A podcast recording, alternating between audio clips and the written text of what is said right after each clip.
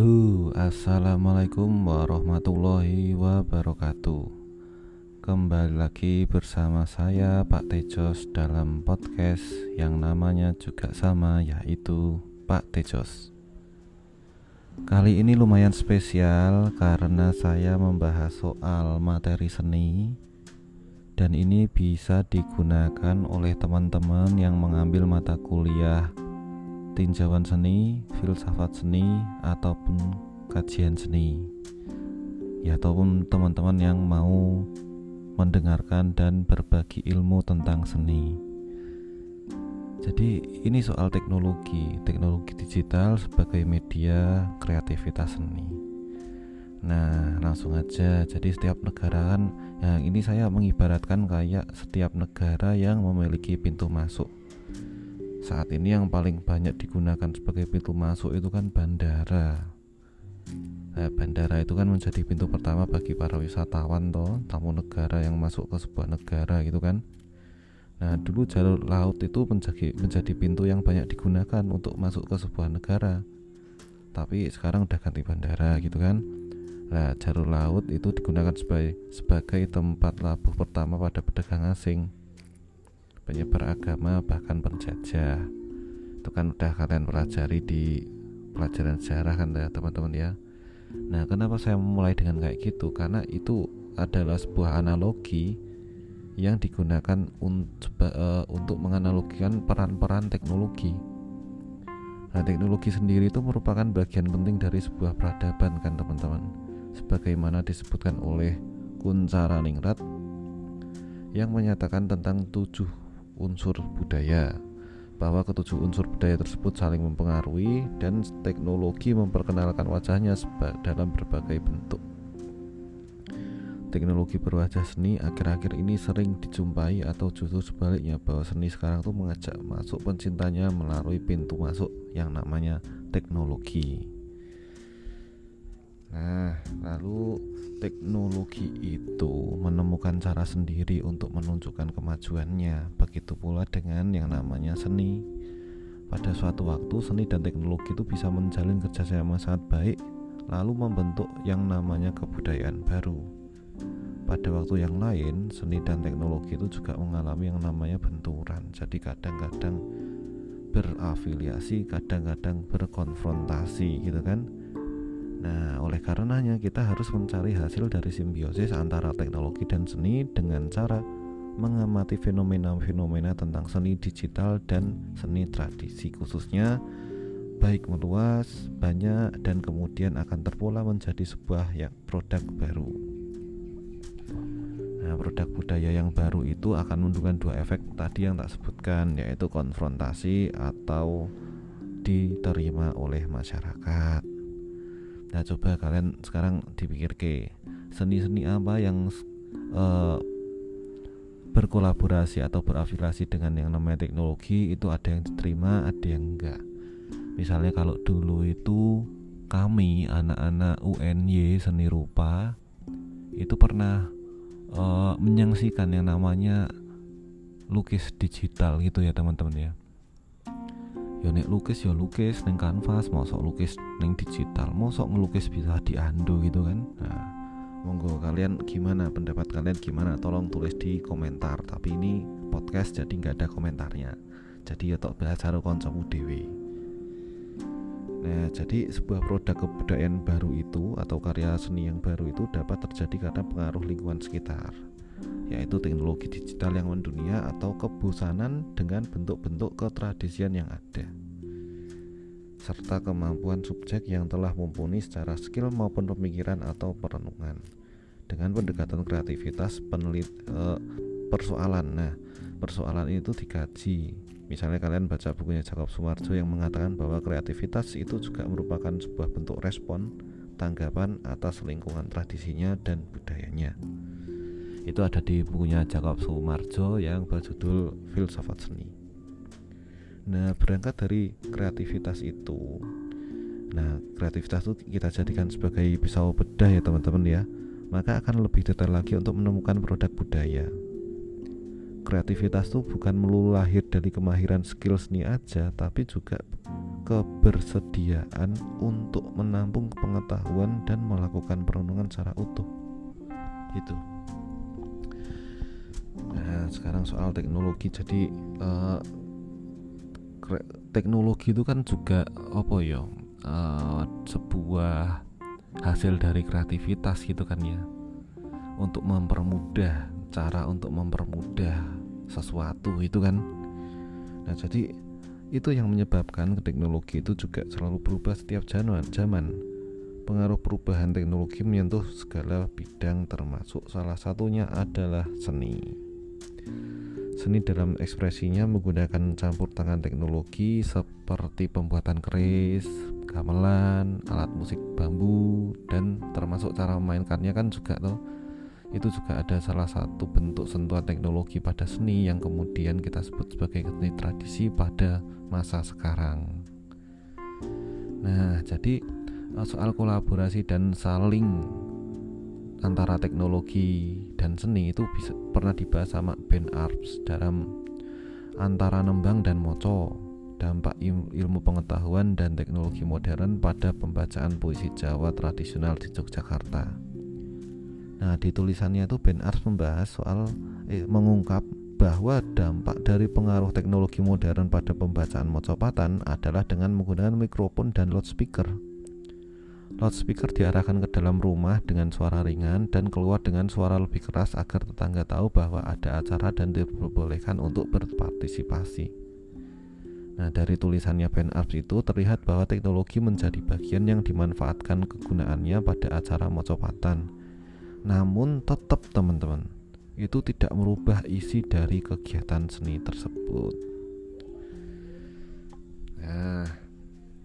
Kita ngomong ke soal tradisi akhirnya sampai pada tradisi yang merupakan sebuah pola yang telah berlangsung lama gitu kan? Jauh sebelum kita ada. Begitu pula dengan yang dinamakan seni tradisi yang merupakan seni yang sudah lebih dulu ada sebelum kita ada baik pola media ataupun alatnya atau tekniknya atau garapnya gitu ya nek musik ya.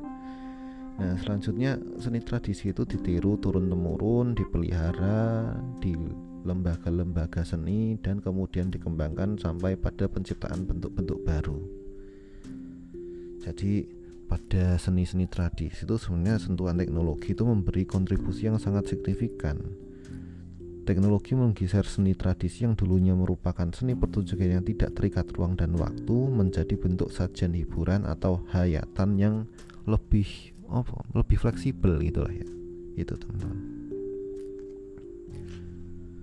Nah, bisa juga ngomong ke soal anu uh, apa ya sekarang ya. Tadi udah seni, tradisi, terus ngomong ke soal Oh iya, terus gimana soal teknologi di Indonesia? Kan banyak yang bilang Indonesia tuh soal teknologi kan nggak begitu well, maksudnya belum lah ya, belum begitu berkembang dengan baik gitu. Lalu gimana? Nah emang Indonesia itu agak sulit saat ini untuk bersaing di dunia dengan teknologinya gitu kan. Namun dengan seni kita bisa lebih mudah untuk menarik perhatian dunia. Terbukti toh nek Bali, Yojo, Bandung ya gitu kan yang banyak-banyak kegiatan seni itu kan banyak didatangi oleh turis gitu kan. Jadi intinya seni itu menjadi salah satu daya, daya tarik negara kita gitu. Jadi jangan minder teman-teman jadi orang seni ya. Nah, kembali lagi ke tadi itu, Indonesia sulit untuk bersaing di dunia dengan teknologinya, namun dengan seni bisa lebih mudah untuk menarik perhatian dunia. Nah, apalagi kalau adanya campur tangan teknologi dalam dunia seni, itu pasti akan membawa efek positif, salah satunya sebagai pintu masuk pada tradisi Indonesia. Kenapa? Karena yang namanya teknologi itu ada yang kayak internet lah. Internet itu kan bisa menjangkau sesuatu yang kita tidak bisa jangkau sebelumnya gitu kan ya atau tadinya sulit dijangkau tapi dengan internet itu dipermudah gitu kan Nah, jadi adanya kemudahan digital itu kemudian terhubung dengan yang namanya internet. Setiap orang dapat mengakses dengan mudah karya siapa aja.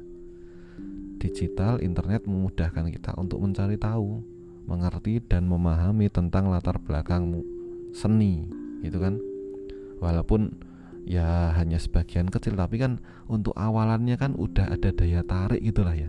Ya kayak nih misalnya kalian suka sama cewek itu kan nggak melulu langsung tahu semuanya tentang dia tapi hanya sedikit sedikit sedikit. Akhirnya kalian semakin tertarik semakin mencari gitu kan ya. Nah kayak gitulah. Coro dini coro dini bahasa Jogja ya coro dini artinya saya kurang bisa menjelaskan teman-teman Lalu ada juga tokoh yang namanya Umar Kayam itu pernah membahas bahwa seni itu dapat berubah-ubah bentuk. Karena apa? Karena emang selera masyarakatnya sudah berubah-ubah. Jadi seni itu harus memiliki daya adaptif yang baik gitu kan ya. Nah, itu juga sebaliknya bahwa masyarakat dapat berubah karena seni. Bukan hanya seni yang berubah bentuk karena selera masyarakat yang berubah, tapi juga masyarakat itu dapat berubah karena seni. Dalam tema kreativitas, Umar Khayyam itu menyatakan bahwasanya seni itu diciptakan, ditularkan, dipelihara, kemudian dijadikan referensi untuk memproduksi kesenian baru kembali. Nah, itu ada dalam bukunya Umar Khayyam. Jadi intinya kreativitas itu merupakan salah satu tolak ukur bagi seni yang mengalami kemajuan. Kreativitas bertolak dari seni tradisi, di mana tradisi itu ada sebelum kita ada gitu kan ya. Jadi sistemnya, polanya udah diadopsi dengan atau tanpa kita sadari. Tradisi seperti makanan yang dihidangkan di meja makan itu sebelum kita mengerti jenis makanan lain itu kan uh, kita udah tahu gitu kan ya. Jadi melandasi, nah sorry sorry, jadi tradisi itu sendiri melandasi seniman untuk melakukan sebuah reaksi di mana reaksinya itu didasari oleh tiga hal yaitu perasaan, pemikiran, dan keterampilan berkesenian. Perasaan tidak perasaannya itu perasaan opo? Oh, perasaannya itu adalah perasaan tidak puas dengan tradisi yang ada. Perasaan bosan dengan kebiasaan yang lama, perenungan pemikiran untuk merespon gejala-gejala kehidupan, pemikiran untuk pengembangan serta didukung oleh keterampilan yang akan memunculkan kreativitas. Nah, dengan teknologi digital sebagai sebuah medium gitu kan, itu sebenarnya keterampilan berkesenian dapat dikembangkan dengan cara yang berbeda dari sebelumnya. Hal tersebut menjadikan karya baru. Wah, paham ya teman-teman ya. Jadi dengan teknologi digital yang uh, yang sangat berkembang dan itu dijadikan sebuah medium gitu kan jadi keterampilan berkesenian itu dapat dikembangkan dengan cara yang berbeda dari sebelumnya sehingga menjadikan karya baru, sebuah karya baru. Oke, lanjut karya baru hasil kreativitas perlahan akan menjadi keterbiasaan baru dalam masyarakat sampai pada tahap merubah selera masyarakat.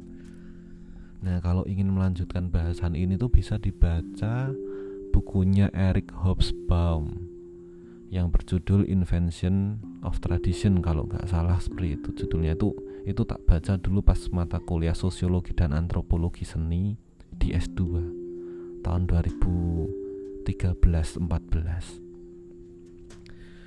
Nah kembali lagi yang namanya keterampilan seni itu ya baik digital maupun keterampilan seni itu sama-sama merupakan sesuatu yang muncul dari otak manusia yang berasal dari hasil olah pikir gitu kan Nah, emang digital itu merupakan alat yang diminta otak untuk melakukan apa aja yang kita pikirkan, terus diinginkan, terus direncanakan, gitu kan.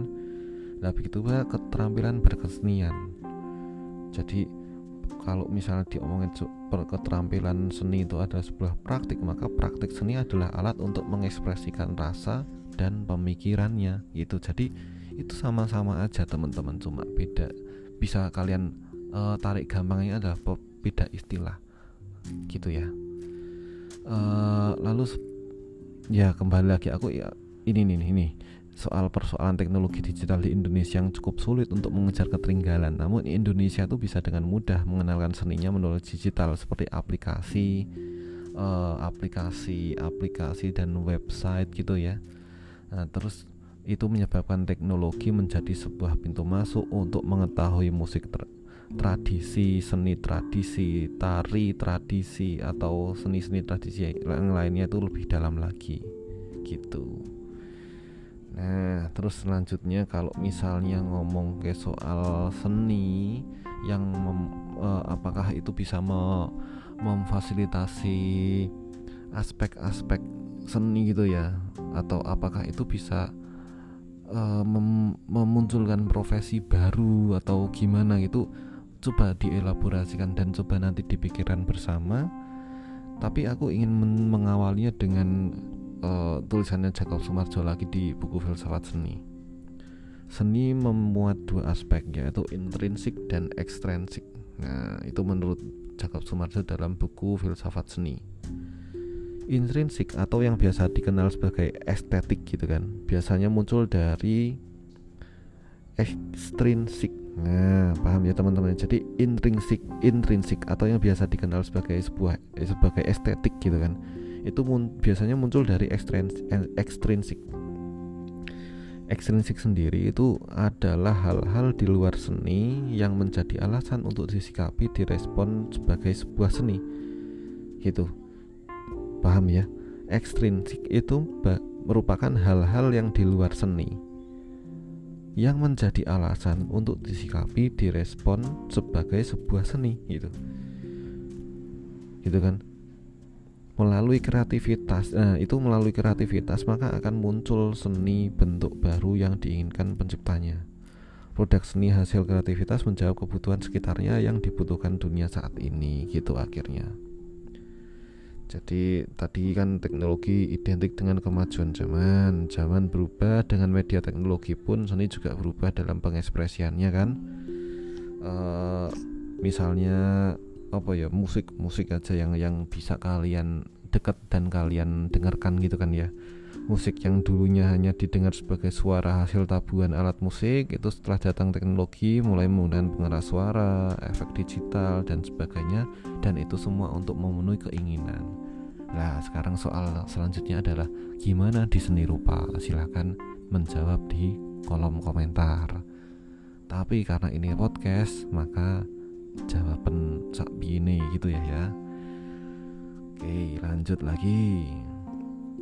Jadi kebutuhan seni sebagai hiburan dan ketersediaan media digital untuk mempertunjukkan atau menampilkan karya seni itu membutuhkan orang-orang yang fokus dalam bidang tersebut. Jadi kan kalau misalnya di seni rupa UNESA sendiri kan nanti ada seni media baru gitu ya. Uh, terus seni intermedia gitu dan sekarang mulai bisa dilihat bahwasanya seni yang ditampilkan oleh mahasiswa-mahasiswa UNESA itu luar biasa uh, semuanya med mengadaptasi media baru gitu kan. Nah itu udah udah suatu gerak maju yang sangat well gitu. Nah akhirnya itu nanti akan menjadi sebuah pilihan bagi akademisi seni yang belajar praktik seni untuk terjun pada dunia digital. Sebaliknya, pilihan bagi pelaku teknologi yang tertarik pada seni juga untuk menguasai soal ya manualnya gitulah ya gitu kan.